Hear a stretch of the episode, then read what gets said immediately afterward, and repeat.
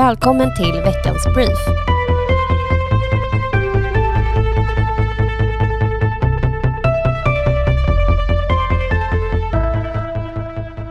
I veckan har det varit budget, budget, budget som gäller.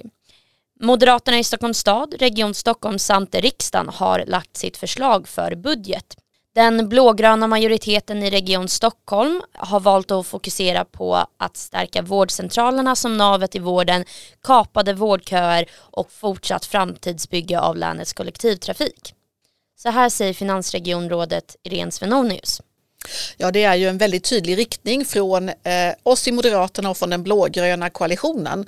Det är att vi ska kapa vårdköerna, vi ska öka tillgängligheten till vården och vi ska se till att kollektivtrafiken är kapacitetsstark och hjälper människor att lösa sitt livspussel. Vi är väldigt tydliga med att vi tillför nya resurser till det som är kärnverksamheter. Vi 2,5 miljard tillsammans går till sjukvården och kollektivtrafiken. Och eh, det här ska användas för att stärka primärvården. Vårdcentralerna ska ha ännu öppnare dörrar och bredare dörrar. Det är den största enskilda satsningen i budgeten på 4 procent jämfört med innevarande år. Och vi eh, fortsätter utbyggnaden av kollektivtrafiken där eh, vi ska fullfölja de åtaganden vi har för att bygga nya tunnelbanor, spårväg syd och även eh, gräva Roslagsbanan i tunnel till city. Det här är eh, det som är fokuset för hela koalitionen. En god och tillgänglig vård men också en fullt fungerande och välfungerande kollektivtrafik. Sen inom ramen för de 118 miljarder vi har i budgeten och där vi alltså tillför eh, 2,2 miljarder till hälso och sjukvården. Vi slår rekord i sjukvårdsbudget, den går över 70 miljarder för nästa år. Så eh, har vi också särskilt poängterat utöver vårdcentralerna att vi ska satsa på att eh, förbättra vården för personer som har utsatts för sexuellt våld. Varje akutmottagning ska vara en akutmottagning för personer som har blivit våldtagna och utsatta för sexuellt våld. Så vi ska kompetensutveckla. Vi har i Stockholm Sveriges enda akutmottagning som är specialiserad för eh, våldtagna och den är på Södersjukhuset. Den enorma kompetens de har ska vi nu även överföra till de andra akutmottagningarna i länet och vi ska utveckla vården för personer, den psykiska vården för personer som har utsatts för våldtäkter och sexuellt våld.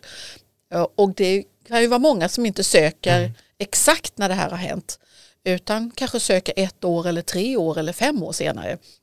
Men vi ser att de här insatserna är oerhört viktiga för att förbättra måendet efter en sån traumatisk upplevelse och minska riskerna för självmord. Forskningen visar nämligen att personer som har utsatts för sexuellt våld har mycket högre risk för att eh, begå självmordsförsök. Även den grönblåa majoriteten i Stockholms stad har lagt förslag för budget 2022. Fokuset ligger på trygghet, skola, äldreomsorg och miljö. Så här säger finansborgarrådet Anna König Galmyr om budgeten. En del är ju att Stockholm ska bli tryggare så att vi kommer att satsa mycket på ännu mer belysning, på oupplysta platser. Det handlar om kameror, fler ordningsvakter, mer städning, att det ska vara väl omhändertaget, fritt från klotter. Ja, helt enkelt ett intensivt trygghetsarbete framåt. En annan del är givetvis att vi ska fortsätta att satsa på de grupper som haft det riktigt tufft under pandemin. Jag tänker på de äldre som nu kommer att få stora satsningar för både boende men också andra insatser. Eh, och för skolungdomarna eh, där det handlar om allt ifrån ung företagsamhet i alla skolor till ökad undervisningstid, eh, inte minst i matte och eh, svenska. Och utöver det så investerar vi också i idrotten, för det är många barn och unga som inte haft möjlighet att kunna idrotta under pandemin. Så att nu så tillför vi satsningar på 4 miljarder kronor fram till 2026 och det handlar både om reinvesteringar, det vill säga vi underhåller det vi har, men det är också nyinvesteringar i nya anläggningar. En annan del det är ju att alla nu som skaffar elbil eller hybrid ska känna att det kommer att finnas laddplatser i Stockholm. Vi har ju som mål att elektrifiera Stockholm till 2030. Så nu så börjar arbetet med att rulla ut laddplatser i alla våra parkeringar och det ska vara 100% till 2030. För några veckor sedan gick Socialdemokraternas partistyrelse genom Anna Ekström ut med förslag om att förbjuda vinstuttag för friskolor och att slopa kösystemet. Förslaget väckte stark kritik och flera tunga borgerliga företrädare med att det är ett förslag som hotar bra och fungerande skolors existens samt valfriheten. Nu svarar Moderaterna på förslaget. Moderaternas utbildningspolitiska talesperson Kristina Axén Olin, som är en före detta lärare, och kommunstyrelsens ordförande i Vallentuna, Parisa Liljestrand, som är en före detta rektor, skriver en debattartikel på Expressen. Det fria skolvalet och friskolor behövs för att skapa möjligheter till en bättre skolgång för alla elever. Socialdemokraternas vänsterexperiment med svensk skola behövs däremot inte. Barn och föräldrars rätt att välja och bestämma över skolgången ska inte äventyras av att regeringen har fört en misslyckad integrationspolitik. Mer om debattartikeln kan du läsa på Expressen Debatt. I veckan så la Moderaterna på nationell nivå sin budgetmotion och den innehåller resurser till nya terrorlagar för att krossa de kriminella gängen och stora satsningar för att bryta bidragsberoendet med ett omfattande reformprogram för fler jobb och ökad tillväxt. Så ska vi få ordning på Sverige. Så här säger Moderaternas partiledare Ulf Kristersson om budgetförslaget i en intervju med SVT. Vi måste ha fler poliser, fler åklagare, fler fängelseplatser, ta bort ungdomsrabatten. Alltså den sortens lagstiftningsförändringar. Men också att göra det mer lönsamt att arbeta så att alla människor som kan jobba verkligen går till jobbet också.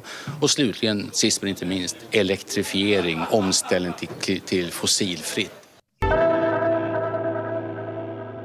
Under måndagen den 4 oktober var det både kanelbullens och företagarnas dag. Vi väljer att kalla den Företagarnas dag eftersom det var då tusentals samlades och protesterade mot löntagarfonderna. Moderaterna i Stockholm firade detta genom en kampanj där man delade ut flygblad om företagspolitik samt kanelbullar. Men bara halva kanelbullar eftersom man skattar bort hälften av sin inkomst.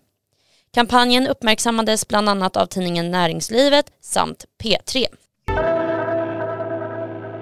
Glöm inte att nu på måndag den 11 oktober öppnar Moderaterna i Stockholms stad och läns försöksnominering. Vilket är våra interna medlemsomröstningar där du som medlem har chansen att påverka vårt partis valsedlar inför valet 2022. Försöksnomineringen håller öppen till den 17 oktober och mer information hittar du på vår infosajt kandidat2022.se. Veckans Brief är tillbaka varje fredag klockan 07.00 för att ge dig veckans toppnyheter.